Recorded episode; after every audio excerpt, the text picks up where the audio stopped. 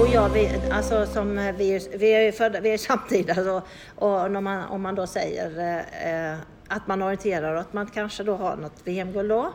Eh, och så säger man, eh, ja, jag var samtidigt som Anniken Klings. Jaha, då liksom man, henne har man någonstans att, att förhålla sig till.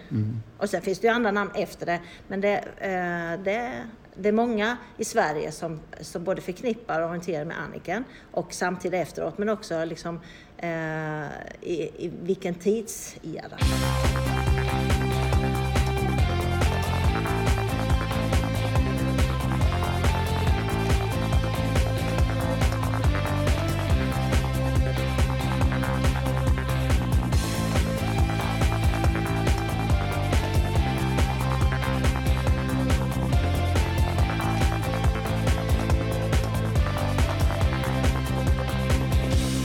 Eh, Kerstin Kärnlund, välkommen till O-ringen-podden. Tack ska du ha! Spännande! Ja, det har jag inte pratat så mycket med. Inte Nej. i de här sammanhangen. Nej, I andra precis. sammanhang träffas vi hela tiden. Absolut, ja, men så är det. Man träffar ju orienterare hela tiden. Det är ju min idrott verkligen. Ja. Min med. ja, precis. Du Kerstin, jag tänkte med dig, dels är du ordförande i Skogssportens gynnare Ja. sedan några år tillbaka. Eh, kan vara intressant att ha delat ut väldigt mycket pengar slash stipendier genom åren till framförallt unga orienteringstalanger. Ja, precis. Ja, det är lite spännande när man nu, som idag då, på den här, eh, när man sammanfattar och ser vad, vad, vad som gynnarna har, har gjort genom åren. Ja, det är spännande att se. Så att det är lite kul. Det tänkte jag vi ska berätta och lite vad gynnarna gör och vilka, det, vilka är gynnare egentligen. Lite så. Sen tänkte jag också, du är skolledare, du är rektor Ja, på Nordenbergsskolan i Olofström. Tillika ett av de tidigaste riksintagen orienteringsgymnasier i Sverige. mm. numera ni ju. Numera ni, precis. Det var ju på den tiden när jag gick, det var det Olofström, Åmål och Sandviken. Mm, precis. Ja. Har du också gått orienteringsgymnasiet? Ja, du har också gått. I Olofström. Ja. Du har slutit cirkeln verkligen. Ja, precis. Spännande. Eh, och så din fantastiska karriär också. Jo, Ja, det var så länge sedan. ja det är länge sedan, ja, ja, ja. men ändå. Första halvan 80-talet kan vi säga. Ja, Du har två VM-guld i stafett. Ja. Riktigt häftigt. Ja. Ja, Det är klart det. Ja, det är det ju. Jag är lite stolt är jag. Ja, det ska du vara. Ja. ja, verkligen. Men du, orientering, var det från början? Du hette ju Kerstin Månsson som ung innan Ja, du gifte dig. Ja, det var väl inte... Alltså jag kommer inte från en orienterarfamilj så. Det från Blekinge, är det Ja, från Blekinge, från Karlshamn. Så att det var min bror som, som började. Jag är sladdbarnet och han är några sex år äldre. Eh, så han började med det och sen så, så följde jag med in på den banan.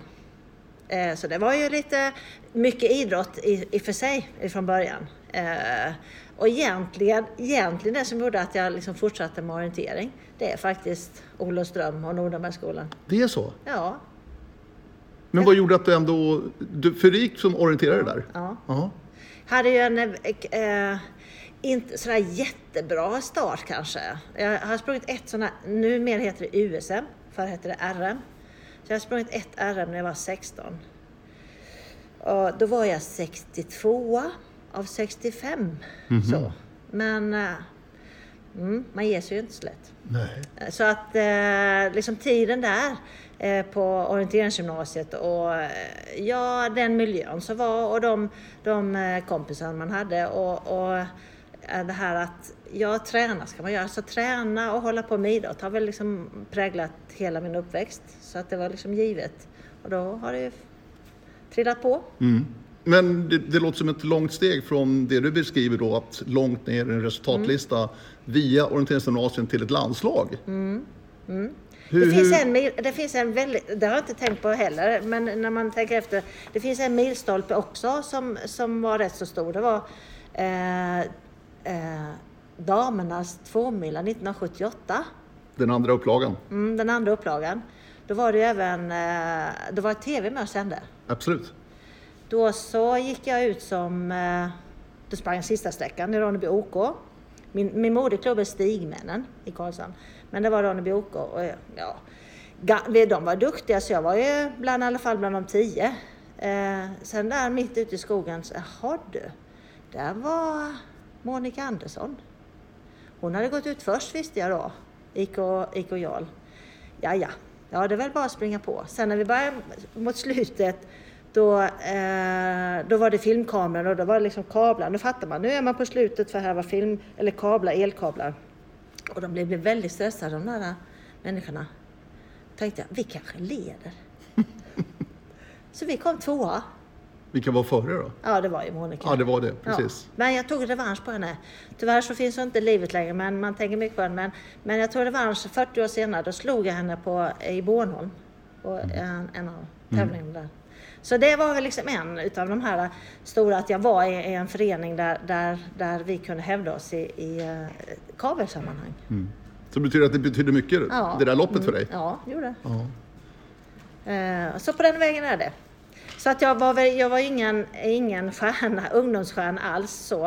Uh, i, i, ja, jag kom väl in som, jag kom in som i juniorlandslaget som 18-åring eller 19-åring. Och sen så var det några år. Mm. Mm. Eh, om vi tar oss fram då till de här VM-gulden. Mm. Eh, det är ju en bit fram dit. 83 och 85 mm. så är det en del av det svenska. VM-guldlaget i. Ungern 83 och 85 då i Bendigo i Australien. Vad minns du av det här idag? Det är länge sedan som du säger. ja, ja, det var eh, alltså Ungern på 80-talet. Så, eh, det var i början på 80-talet. Men Eh, Soft gjorde en rätt så stor satsning, uppfattar jag nu när man tittar i backspegeln, just kring juniorer och hur man förbereder sig inför mästerskapen. Alltså man, man började vara strategisk. Som junior så var vi, och jag, jag tror, vet inte hur många stämplar jag hade från Ungern. Alltså vi var många gånger på, på läger och tävlingar och, och landskamper i Ungern. Så man var liksom rätt så väl förberedd inför det. Jag hade Eh, ja, 81 då när det, gick i Schweiz, det gick ju då bara, bara vartannat år. Då så, eh, ja, då hade jag väl nerverna utanför på tävlingsdräkten. Så det gick det inte så bra när det var VM-stafett. Så jag fick ladda lite grann för ytterligare två år senare. Så att, eh, eh ja, gjorde bra två testlopp och, och, och var med i, i Ungern. Och det var ju i eh, i eh, Annikens eh, Kringstads era också. Verkligen. Ja. Hade vi lite tur där, att jag var född samma år. Ja, precis. Ni är födda exakt samma år. Det stämmer bra det. Men eh, jag tänker på det, för Anniken sprang ju sex VM-lopp bara i sin karriär. Mm. Vann samtliga sex. Ja, häftigt det är en helt mm. enormt. Mm. Men backa bandet också Kerstin, för de yngre som lyssnar på det här. Mm. På den tiden var det ett individuellt lopp mm. och en stafett på VM. Det fanns inget annat. Nej, det fanns inget. Och vartannat år. Och varannat år. Ja. ja. Och klart det var ju den tiden, så det, det, man tänkte ju inte på det. Visst, visst kan man reflektera över det när man tittar på alla, alla de här olika distanserna som är nu. Och visst har, har även, tänker jag, både konkurrensen och, och eh, eh, både kunskap och, och, och, den fysiska kapaciteten har ju ökat och blivit större av de som är nu. Att klara av alla, det är en annan, det är liksom något annat sätt eh, eh, att, ha, att kunna vara, ha så här olika distanser mm. och, och vara bra på olika distanser. Mm. Det är klart, alltså på den tiden när ni var inne i det här, man visste inget annat. Nej. Det var ju det som gällde. Mm. Men ändå, det måste ändå kännas surt om man liksom har laddat för ett lopp då, mm. VM. Mm. Och så får man inte till det. Nej. Då är det två år till nästa.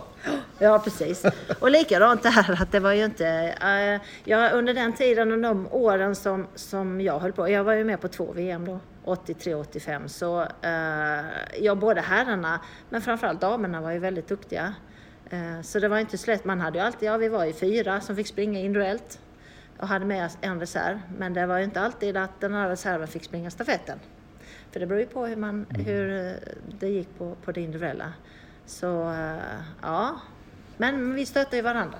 Mm, precis, och du, det var precis de här åren som Anniken Kingstad är med också. Mm. Som vi var oerhört överlägsen. Mm. Hon var ju i sin egen division verkligen. Mm. Vad gjorde henne så bra Kerstin, från, från din synvinkel? Ja, ja äh, jag uppfattade henne, ja, nu, vet, nu kan jag bara relatera till mig själv. Alltså det här att egentligen våga, våga uttala sig mest till sig själv, att, det här, att liksom sätta mål och våga liksom, eh, visualisera de här målen, dit hän ska jag. Eh, jag själv kanske mest utav, var utav den här att, att Ja, jag vill ju bli bra, men, men vilken målsättning har jag egentligen? Vart vill jag? Utan jag vill bli så bra som möjligt. Men jag tror att hon var väldigt specifik på, jag, dit vill jag. Och då så har man bestämt sig, det är ju som det mest, alltså att försöka.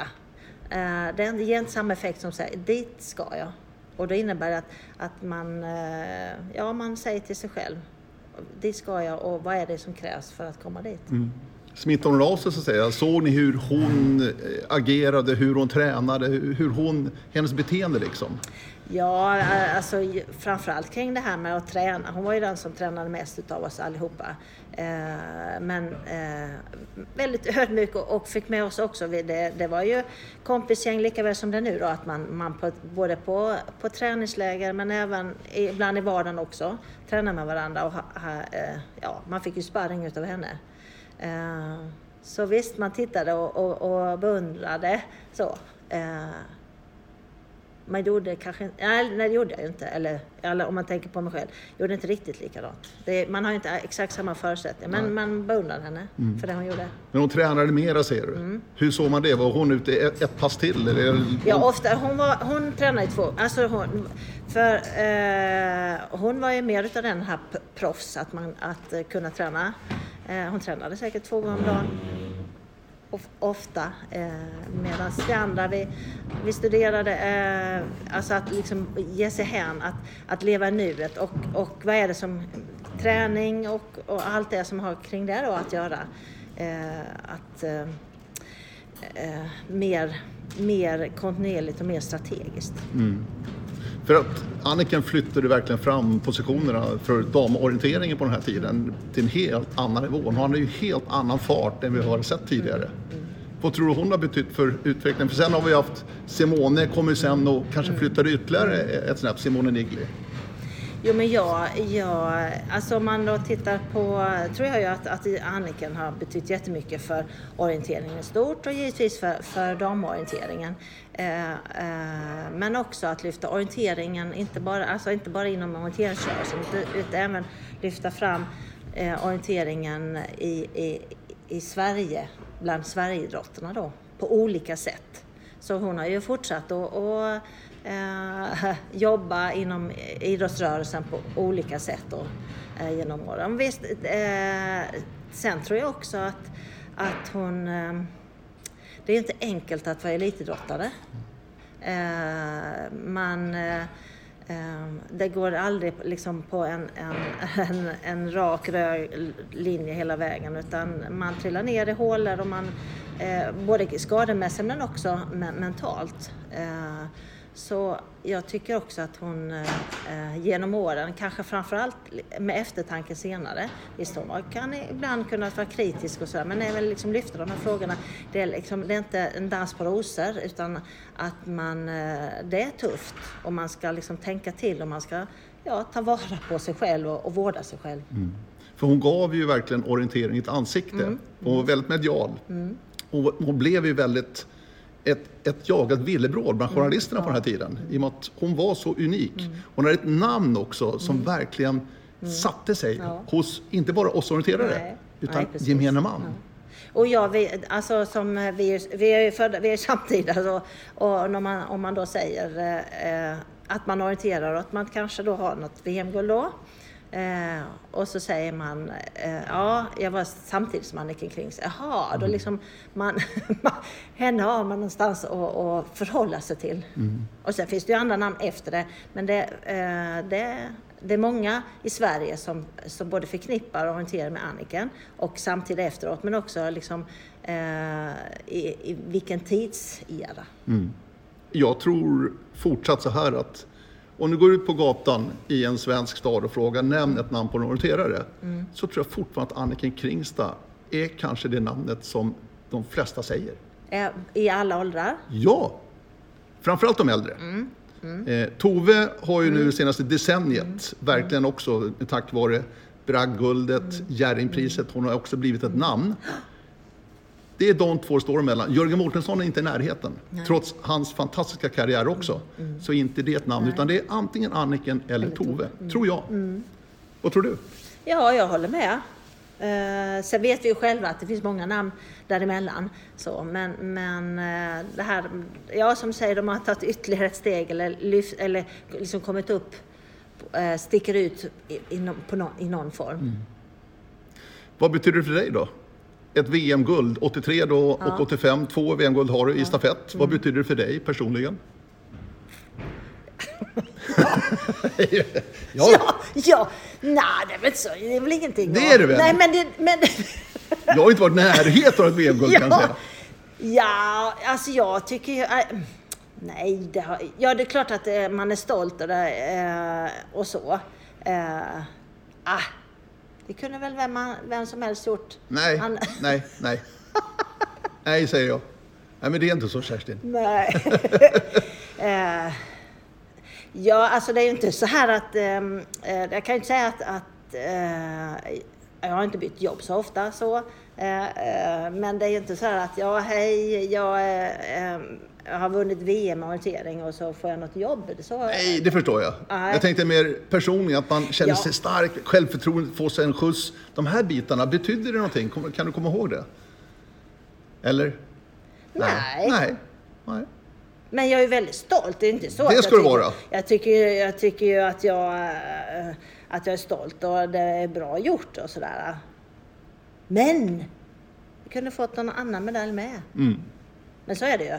Så att visst, visst eh, är jag stolt och, och att få att ynnesten kan man väl säga då att, att varit med och, och eh, varit med och lyft eh, s- svensk orientering på, på internationella arenorna så. Eh, och visst, per, nej, ja nu är jag ju lite, alltså personligen kan man säga, alltså då, eh, om det har med, med eh, medaljerna eller göra, men visst, eh, eh, man har ju på några konstiga anledningar liksom varit med på, inom olika, på olika platser vad det gäller inom orienteringsrörelsens ja, hierarkier är det väl inte. Allt ifrån att vara, eh, att vara med och driva vet jag inte, men vara med och i alla fall föra fram eh, eh, löparnas åsikter i någon sån här, eh, på, på, på, på softnivå. Och kanske också kan det kan vara en anledning till att, att jag har satt med i SOFs styrelse i åtta år. Absolut. Kanske att jag sitter här som ordförande också. Mm. I Skogssportens gynnare. Det ska vi prata om om en stund. Du, eh, finns säkert de av våra kära lyssnare som sitter och funderar. Vilka var de andra som sprang i lagen där 83-85, Kerstin? Ja, 83 så eh, då- alltså då både 83 och 85. Jag, jag vet faktiskt, det vet ju du, hur länge höll vi Då hade vi fyra, Fyra sträckor. ja. Och jag kan inte säga hur länge det höll på så. Nej, men jag skulle kunna tänka mig att det är fram till...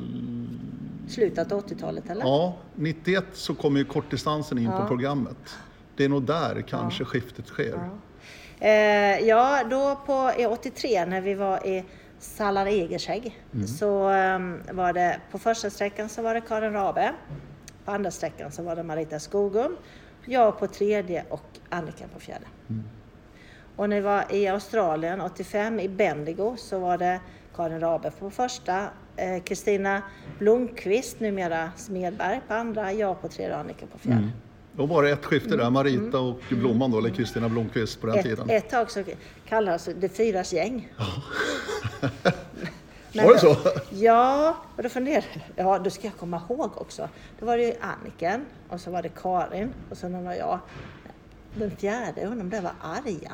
Ja, kan det ha varit. Jag tror att det var Arja Hannus. Ja.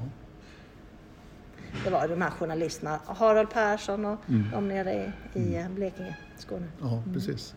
Jag tänker också på en annan sak. För 87 sen så vann ju Kent Olsson, och även Ari Hannes förresten, VM-guld.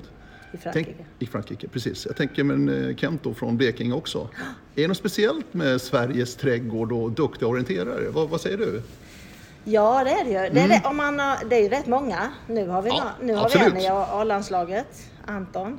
Eh, ja, det, det är ju Sveriges trädgård. Alltså det, är ju, det, är ju, det är ju rätt så olik, eh, olika terrängtyper, olika naturtyper. Allt från skärgårds, skärgårdsterrängen eh, till en, en mer eh, ja, äng och åkrar till skogsmark. Ja, visst, man brukar säga så här, det är, kallas för Sveriges trädgård fast det var länge sedan det lukades. Ja, exakt. Och luka är att, att rensa. Alltså det är ju rätt så tufft. Så att ehm, eh, ja, man får mycket erfarenhet. Och sen är det väl så här att det är ett litet distrikt.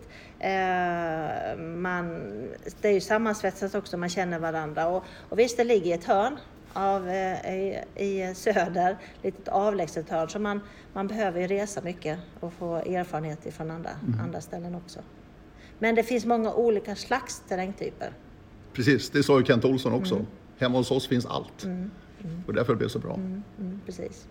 Och tittar man om man går på min, där jag jobbar, på min skola, Olofström, och tar man en fem mils radie, eller egentligen tre mils radie, så får man väldigt mycket olika. Allt ifrån Skånes eh, eh, rutade stenmursterräng eh, terräng till, till kontinental till ren, ja nästan vildmark i alla fall. Vi kan väl växla över till det. Norbergsskolan alltså i Olofström. Ett orienteringsgymnasium nu med ett NIU. Alltså det, heter, det står för Nationellt Nationellt. godkänt idrottsutbildning. Precis. Men där finns orienteringsprogram Ja. alltjämt. Ja. Du som ändå har gått också själv. eh, Jag har ju pratat med många genom åren här i O-ringen-podden och många har gått ett eh, i orienteringsgymnasium någonstans i landet. Vi har pratat lite grann om hur de hanterat det för att det inte är lätt. Man är Nej. ung, flyttar hemifrån, får ett stort eget ansvar. Man ska klara av studier, träning, laga mat kanske i vissa lägen. Du som skolledare nu, som rektor på skolan, hur, hur kan du stötta? Hur kan du se? Alltså, förstår du? För att ändå hjälpa våra ungdomar, för att de är ju inte gamla. Nej. jag har ju själv Nej. gått, man var ju inte gammal när man Nej. flyttade hemifrån. Nej, precis. Nej, och, eh, det, det är ju en balansgång. Det är väldigt viktigt det här att ha med alla aspekter. Att både ha med, alltså det är ju som vanligt, alltså eh, de delar som behövs i livet och även i skollivet. Alla måste fungera för att helheten ska fungera. Eh, så, så för oss så är ju är ju idrottseleverna, nu har vi lite andra idrotter också, men om vi tittar på orienterarna, de, de, eh, det, är, det är viktigt att, ta- att ta hand om dem eh, och, och, och värna om dem och, och skapa så bra förutsättningar. Allt ifrån att, att man har möjlighet att välja det program eh, som man vill gå. För det är ju, det är ju ändå, visst orientering är ju dit man, det är ju därför man, man väljer det. Eh, samtidigt så är det, är det en del inte, alltså inte den, den stora delen utav det man gör i skolan utan även det är ju det programmet man ska, går och då att försöka organisera det så bra som möjligt eh, eh kring, kring studierna och boende och, och träningen. Då. Och de, de eh, alltså människor, i det här fallet orienterare, som brinner för en sak och som, som eh, det här att, vi brukar prata om att flytta till något eller från något, någonting. Eh, eh, De här som flyttar till för att man brinner för någonting, de, de har ett driv och de, de, de tillför ju mycket i, på skolan också. Sen är det viktigt att det integreras så att man, att man känner att man, man är delaktig i det som är då. Hur är det de som kommer till Olofström då, ska gå och Mm. eh, studera gymnasiet plus orientering då? Finns det något, hur kan de bo? Mm. Eh, Elevhem och sådär, finns sånt kvar? Ja, alltså det är inte ett internat utan det är ett elevhem. Så att vi har det, Borgen heter det. Förr i världen så var det fyra hus, nu är det ett, ett hus kvar och där har man en, en eh, ja, det korridorliknande så man har en egen lägenhet med ett rum och ett litet kök. Eh, som alla elever har. Och sen så är det, det är inte dygnet runt eh, bemanning men vi har, vi har personal som är där eh, på dagar och, och vissa, vissa kvällar. Så där bor man då och, och, eh, ja, under hela, hela sin, sin gymnasietid. Erbjuds det mat och sådär också? För att, jag tänker middag framför allt, som Mm. kanske är det viktigaste ändå, att, så att inte man behöver laga all mat själv. Ja, just det. Det, det är eh, en utav... Det har varit genom år en, en dag, eller en dag i veckan så erbjuder vi att man kan köpa till su- subventionerat pris. Men det, bland orienterare så är det sådär. Eller bland, i husets eh, boende så är det sådär. Populärt är väl hälften ungefär tisdagsmaten som man då säger. Eh, orienterarna sedan många år tillbaka, de har matlag. Ah. Så de, så de eh, eh, grupperar sig hjälps åt att gruppera och sen byter man också så att de är en fyra, fem stycken. De, det optimala brukar vara fem. Mm. För då är det en, en vecka av fem slipper man laga Just det, just det. Eh, och, och eh, jag tycker att det fungerar bra. Sen är det ju alltid så, det är ju, eh, och vi har matlagningskurs. Vi har, brukar ha Emma sedan några år tillbaka. Emma Matner som, som håller kostkurs för dem, för vad som kan vara lätt och, och, eller bra att laga och lätt att, att göra. För att få, för det är inte enkelt att lära sig vad man ska äta. Kan också rekommendera en väldigt bra O-ringen-podden med Emma Martner förresten. Vi pratar just kost, idrott och alla de här bitarna. Väldigt spännande. Eh, riktigt kul. Eh, du pratar om populärt där. Är det fortfarande populärt att söka sig till ett orienteringsgymnasium? Ja, ja. Vi, eh, vi, har, eh, vi har ju 30 platser och det är 30 platser som vi har. 10 eller- per årskurs då? Ja, 10 per, per årskurs. Och sen visst, sen är det olika kullar och sådär. Ehm, ibland är det må- många, kull, eller många i en kull, men det är eh, populärt. Nu förra veckan så hade vi öppet hus och då var det, var det 16 orienterade, vad jag förstår, familjer som var och, och tittade hur, hur det var och så. Eh, Nu, nu så har även, ibland har vi även utländska, vi har inte alltid, jag vet på andra gymnasier så har man utbytesstudenter så. Vi har, ibland har vi haft, nu plötsligt så rasslar det in tre, fyra stycken. Kanske, men då har vi sagt vi, vi har möjlighet att ta emot en eller två per år. Men eh, nej, vi, vi tycker att det är bra. Genom åren, alltså det visst det är flera gymnasier och flera nio och det är RIG och sådär. Och jag vet att soft, eh, och det behöver man, be, man behöver diskutera de här frågorna. För det är ett visst antal elever och hur eh, det, det, det, det ska det ska vara bra för. Så att, att, man, att man samarbetar, att man nätverkar, att man inte konkurrerar. Och det har väl varit också gått i vågor genom åren. Men nu tycker jag att eh, man eh, har fått till bra strukturer att nätverka bland orienteringsgymnasierna. Och eh, även då eh, på allt vad det nu kan vara, allt från verksamheten till, till de här uttagningarna som man nu är precis inne i, i den, i den perioden att ta ut. Men hur är annars eh, de här ungdomarna som de kommer till Olofström, flyttar från något ställe i de södra delarna av Sverige, oftast är det ju. Eh, De borde ju vara, och det är nog min erfarenhet själv också, att man är ju ganska motiverad. Man vill ju verkligen göra det här. Är det också en grund till att det oftast fungerar väldigt bra? Ja, ja, jag tror det. Ja, precis. Alltså där man vill verkligen. Och, och, eh, och sen är det också då att hamna i ett sammanhang där det är flera som, som brinner för samma sak. Eh, och det, visst, det är inte alltid att alla, alltså alla passar inte att gå på Nej, ett, är det ett ju. eh, idrottsgymnasium. Men, men många gånger så, eller i alla fall för de mindre, mindre ställena, mindre klubbarna, så är man ganska ensam. Och det, visst det är ett dilemma. Alltså att, att den här ungdomen som är duktig och som, som de yngre ser upp till flyttar iväg och studerar. Så det, visst är det en balansgång där eh, eh, som, som man får liksom ta hand om på, på, något, på, all- på det allra bästa vis. Men, men jag tror att, här, att, att hamna i ett sammanhang och, och så här, Ska det vara så här? Ska man ha så många kompisar? Alltså man är inte riktigt van vid det. Så det, det, de här goda spiralerna, de, de är häftiga att se. Jag vet inte om du har varit med de senaste eh, veckorna här och det som har kommit fram vad det gäller framförallt ishockeygymnasierna. Eh, som ligger då till exempel i Örnsköldsvik, där Modo finns, de finns i de här städerna där de stora lagen finns. Där har det ju visat sig att eh, gymnasierna alltså köper ju ungdomar för att flytta till Övik för att kunna bli en del av Modos A-lag. Skolan köper. Skolan köper på något sätt. Ja, Ja, nej men eh, det är ju fakta. Eh, Aftonbladet hade en serie om det här bara för några veckor sedan faktiskt. Vilket är både eh, väldigt, väldigt skrämmande. Eh, intressant kan jag tycka också någonstans hur långt det har gått. för att verkligen få de här talangerna att flytta till Örnsköldsvik, bara ett exempel. ja, ja, ja. Men spelar ingen roll. Men där är vi väl inte Nej. på orienteringssidan va? Nej, nej, det är vi inte. Absolut inte. Sen är det, och jag, eh, jag, jag springer för den klubben som är, verkar i Olofström. Eh, och vi, vi, eh, ja, vi har inte Varken, vi varken kräver av kommuner eller vi själva. Visst, vi skulle gärna vilja ha fler elitorienterade, men, men det som är viktigt för oss, visst man kan inte säga att ni inte får byta klubb, men det är, inte, det är liksom inte med de premisserna.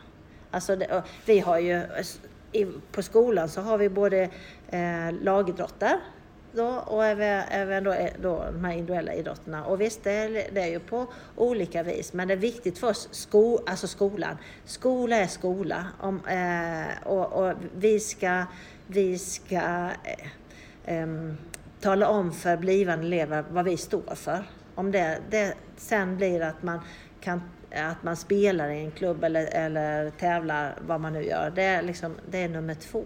Men, men här är det skola, här får vi vara den jag är, vart jag än är ifrån och vart jag än vill liksom, tävla för. Mm. Nu, nu får ju du eh, ändå lägga fast det här tydligt. OK Vilse 87 är ju klubben. Ja, ja, Olofström. Ja. Eh, många utifrån, men hur kan en klubb heta OK Vilse? Det låter helt knäppt. Varför heter OK Vilse? Ja. Berätta. Ja, ja, det både OK Vilse och 87. OK ja. Vilse kommer alltså från, i Olofströms kommun så fanns det två klubbar. OK Vilse som är då från Vilshult och sen OK Halen som är från Olofström. Och Halen, det är ju eh, sjön, den stora sjön som är eh, i utkanten av, av Olofström. Och, och, på 87 eller 86 då, så, så eh, bestämde de sig, nej, vi, vi är för, alltså kommunen är för liten, vi är på samma upptagningsområde, vi, vi, vi slår oss ihop. Och då var det namnfrågan. Det går, och sen så, eh, och OK Halen också väldigt vackert så. Men det, jag tänker mig, vi var inte med då, men jag kan ju tänka mig, det är väldigt svårt att släppa OK vilse. Så då fick det bli vils, OK vilse och sen la man till 87 så att man är med där, halen. Så visst, så är det ju. Det är roligt att stå vid, vid resultattavlorna när man åker norrut. Är det för klubb? Mm. Exakt. Ja. ja, men bra att du la fast det i alla fall. Nu vet du, Vilshult ja. framförallt är ja, skälet till OK Vilse. Eh, innan vi går in på skottsportens gynnare, du är ju idrottsmorsa också.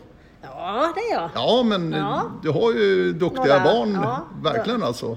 Hur har du varit som idrottsmamma, skulle du säga, till dina barn? Ja, alltså jag, då har jag, jag har ju ett sånt mant... Ja, varför säger du det? För det, för det, det är för mig viktigt att... Eh, visst, jag...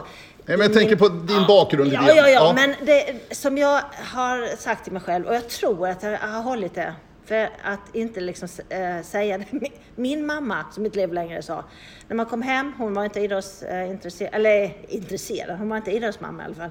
Så kom man hem från tävlingarna och så, så, så sa hon, hur gick det? Innan jag, innan jag hann svara så sa hon, vann du? Jag tänkte, jag ska aldrig säga. Ja, det har jag inte gjort heller. Men, men eh, ehm, alltså det, hur, den är, hur den är så tänker jag, man gör så gott man, gör så gott man kan med de förutsättningar man har just nu. Och, och, och, eller våra barn är otroligt duktiga, tycker jag. Ja, verkligen. Och, och att hållit i så himla länge, det brukar vi säga till dem. Vi har ju då tre som håller på. Niklas, mm. eh, och Josefin och Elinor. Och att och, um, hålla i och hålla ut och, och um, vara med på rätt så hög nivå länge. Det är mm. imponerande. Men för deras del, när de växte upp, ja. i och med att du och din man Tore, då, ja. ni, ni är ju väldigt, väldigt mycket orientering. Ja. De hade inte så mycket val, eller? Nej, nej, de fick följa med. Ja, exakt. Ju, ja, men det är ju så det fungerar. Ja, precis. Så, så, och vi har fyra barn, så det var tre av dem som... Eh, så det är väl synd om, om den fjärde som inte liksom fastnade i, i, orientera, i orienteringsnätet. Men sen är det ju... Eh, ja, det var ju inget annat. Men jag tror inte de har fördel av det. Absolut inte. Eh, och har också då liksom mycket, mycket vänner och fantastiskt roligt på sina håll. Och sen är man ju glad, är man ju glad som förälder, antingen man har en bakgrund som jag eller som Tore, så är man ju glad för att eh, när det, det, går bra för barnen. Och, eh, och sen behöver det inte alltid vara vinster, det är inte det, utan man gör man gör gott ifrån sig. Ja, men jag tänker ändå du med dina VM-guld. Jag återkommer till det. Jag är väldigt imponerad och lite avundsjuk också. Att du ändå har två stycken VM-guld. Men har de inte kommit någon gång? Mamma, hur ska jag göra här tycker du?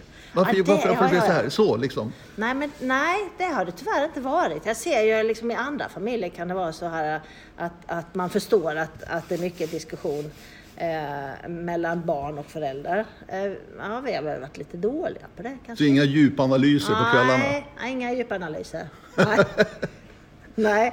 Nej, faktiskt inte. Hur tajt följer du dem när, när det väl är dags för ett, jag vet, Ja. SM till exempel? Hur, hur, hur är du då Kerstin? Ja, Försöker du hänga med liksom? Ja, det gör jag ju. I be- alltså, är det inte för långt iväg så åker vi och, och tittar och hejar. Eh, och ja, försöker låta så mycket det bara går. när de, när de hör. Så jag har svårt att, eh, inte, att inte visa vad jag känner och tycker för stunden. Och sen visst, det är det så här, det kan ju gå helger där, oj nu var denna helgen slut, för man satt framför datorn och tittade på de här live, live-resultaten.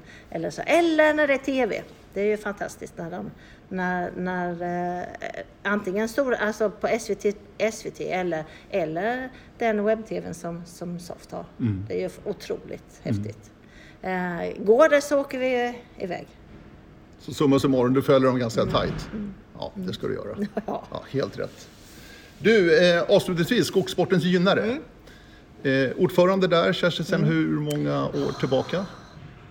Vad det blir några år va? Ja, det borde vara några tre. Ja, någonting sånt kanske.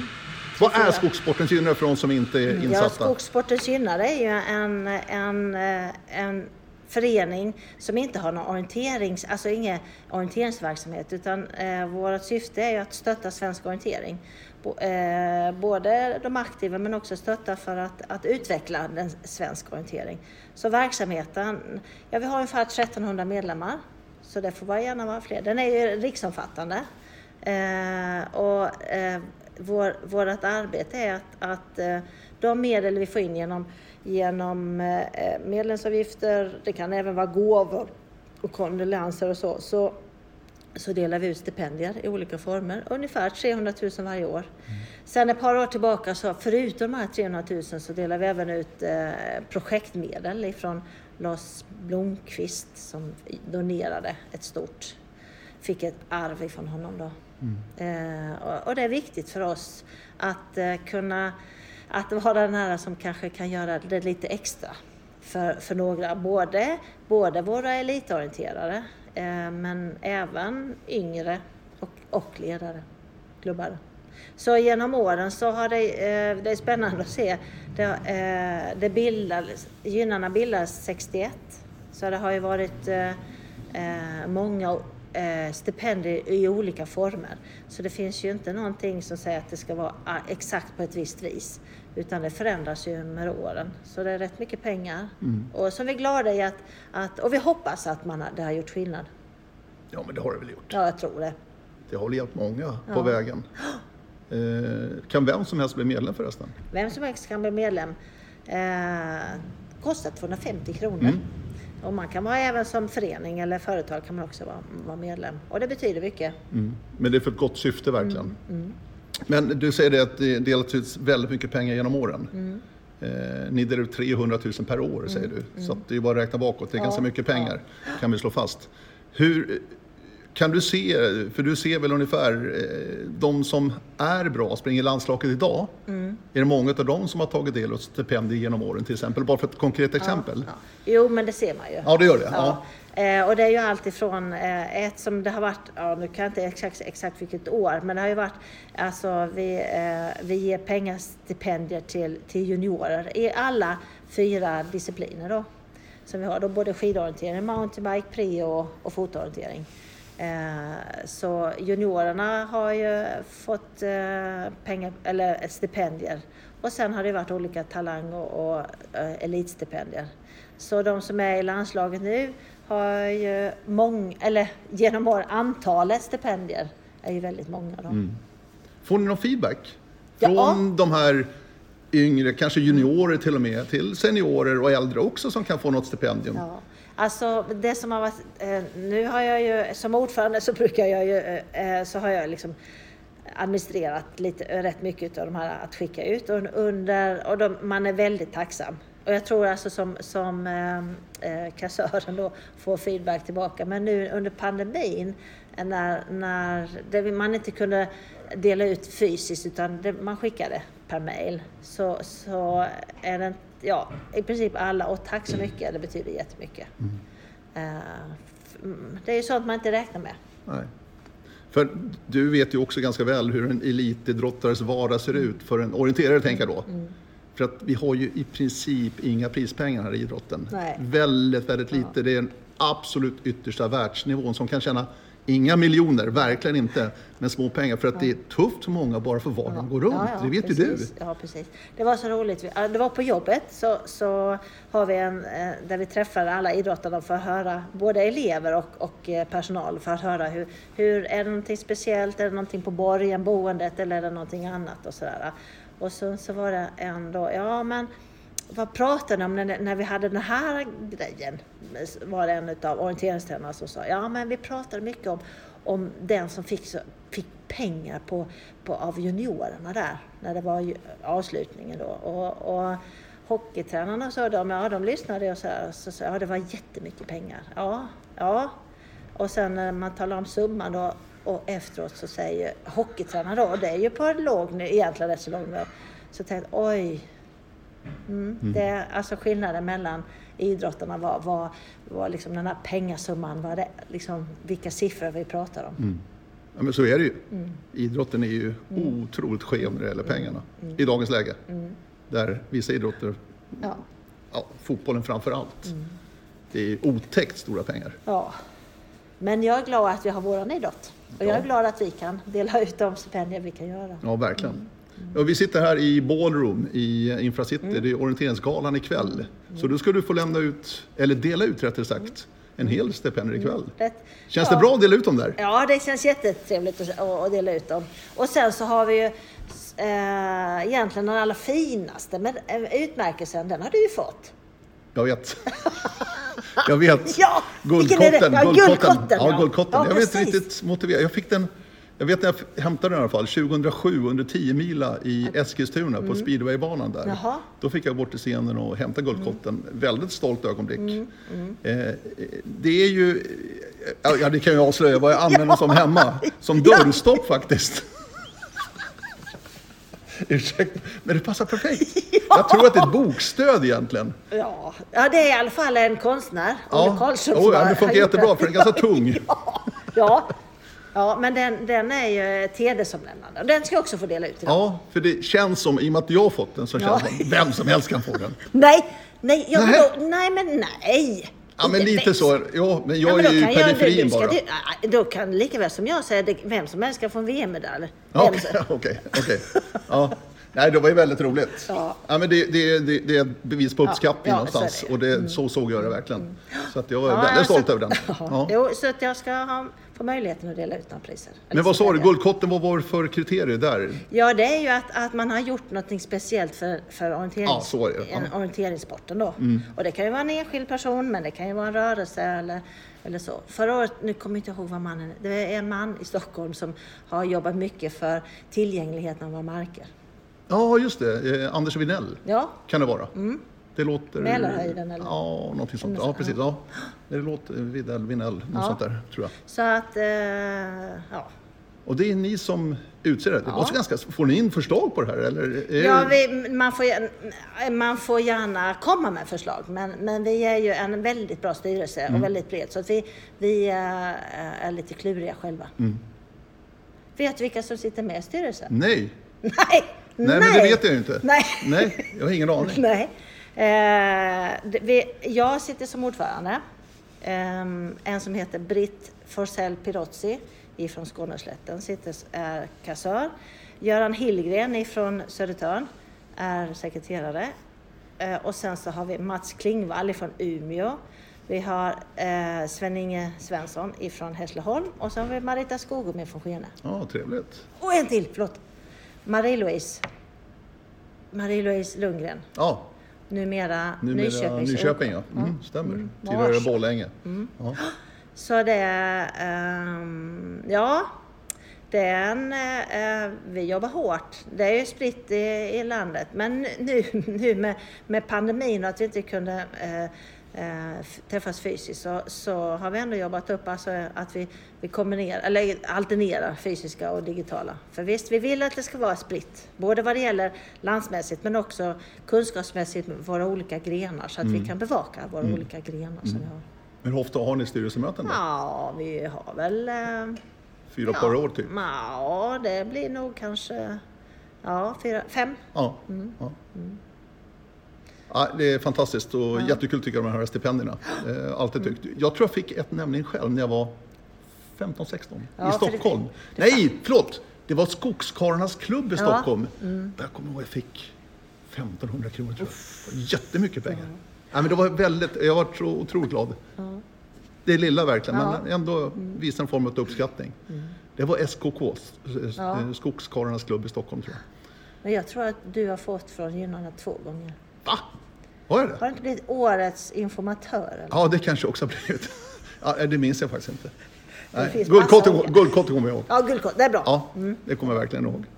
Du, supertrevligt Kerstin. Mm. Eh, avslutningsvis är O-ringen-podden. Nästa år är det Åre Ja. 2023 till fjälls. Hur är O-ringen? Vad har du för förhållande till O-ringen? Ja du, den har ju varit, den har ju blivit bättre med åren. Den var väldigt komplicerad i, i början. Jag, eh, alltså under tiden jag var senior, alltså början på 80-talet där. Då skulle man inte springa orientering, Nej. eller O-ringen. Det var det fult. Sen, sen så var det massa barn och sådär. Sen, men från 2000, badringen i Hallsberg. Där, därifrån har vi nästan sprungit alla. Eller varit med på alla. Eh, det är väl ett par som vi har. Ett år var vi, var, var vi arrangörer, 2014. Men sen har jag i princip varit med. Så att det är ju en del av semestern. Det är så, va? Ja. Ja. ja. Och igår, eller ja, förrgår var det väl, så när vi satt de här, de här syskonen, Tore och Lena och, och jag. Hur gör vi nu det här året, eller 2023? Men det är klart vi ska åka. Så vi, vi, har, vi missade första november, skrutt. Ja, just det. Ja, ja. Det Men jag kan ju ge lite pengar till arrangören istället. Ja. Ja, Så att, ehm, nej det blir 2023. Trevligt. Mm. Trevligt. Då ses vi där. Om inte förr. Precis. Ja. Ja. Du, stort tack! Tack själv. Fantastiskt trevligt. Eh, hoppas ni också har njutit. Jag har verkligen. Det har varit otroligt kul. Ja, Ja. själv. Det tycker jag själv. Verkligen. Mm. Eh, radio snabel-a-ordningen.se är adressen för eventuella synpunkter. Drömgäster tas också emot på den mejladressen. Då säger vi hej då. Hej då! Hej då!